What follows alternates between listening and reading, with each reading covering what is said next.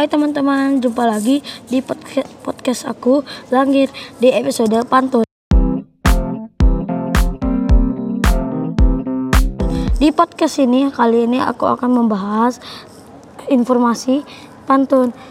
Apa kalian tahu pantun adalah puisi asli Melayu yang mementingkan keindahan, kepadatan makna, serta bentuk penulisan yang berbait-bait. Ciri-ciri pantun pertama, satu bait terdiri dari empat baris. Contohnya, supaya tangan tidak terluka, jangan dikepit hulunya kapak. Supaya Allah tidak murka, jangan sakiti ibu dan bapak. Dari pantun tersebut ada empat baris. Yang kedua, satu baris panjang, boleh kita berjumpa lagi.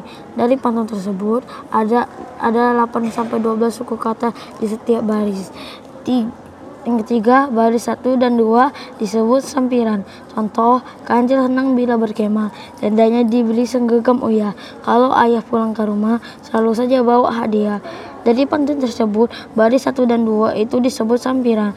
Yang keempat, baris tiga dan empat disebut isi. Kancil senang bila berkemah, tendanya dibeli senggegam uya. Kalau ayah pulang ke rumah, selalu saja bawa hadiah.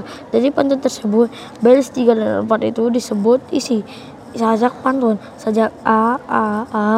Contoh, induk gajah mencari anaknya. Tersesat gajah di tengah kota. Belajar agama paling utama agar selamat masuk surga. Sajak a b a b. Contoh, kalau ada jarum yang patah, jangan disimpan dalam hati. Kalau ada kata yang salah, jangan disimpan dalam hati.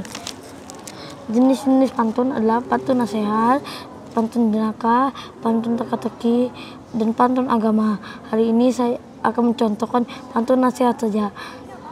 Jalan-jalan ke Pulau Buru, tunggu elok mentari pagi. Ingat selalu nasihat guru, belajar giat raih prestasi. Itu saja.